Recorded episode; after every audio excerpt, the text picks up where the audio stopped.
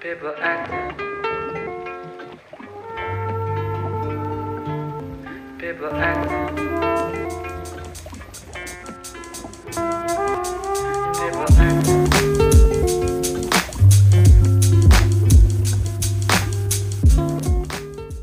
Selamat pagi, siang, sore, dan malam kepada warga RT 1988. Woi, ngapain lo kayak radio berita?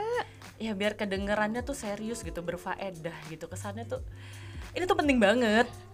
Kan kita mau ngasih pengumuman keluarga nih. Terus Jadi bersama kita nih para pengurus RT 1988. ah, Oh my god, kita tuh gini-gini tuh pengurus RT ya Iya dong, aktif kan? Aktif Sangat berfaedah gitu Kita tuh kayak kurang kerjaan gitu ya Ngurusin warga di komplek Kayak waktu luangnya tuh banyak gitu karena ngurusin karena kita pedulian orangnya. sama warga.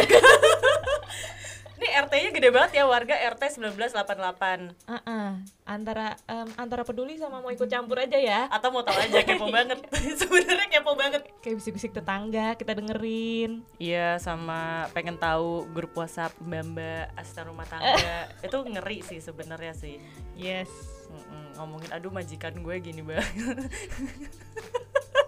Atau satpam depan komplek tuh ganteng banget. Waduh, ntar ada siapa pacarnya siapa.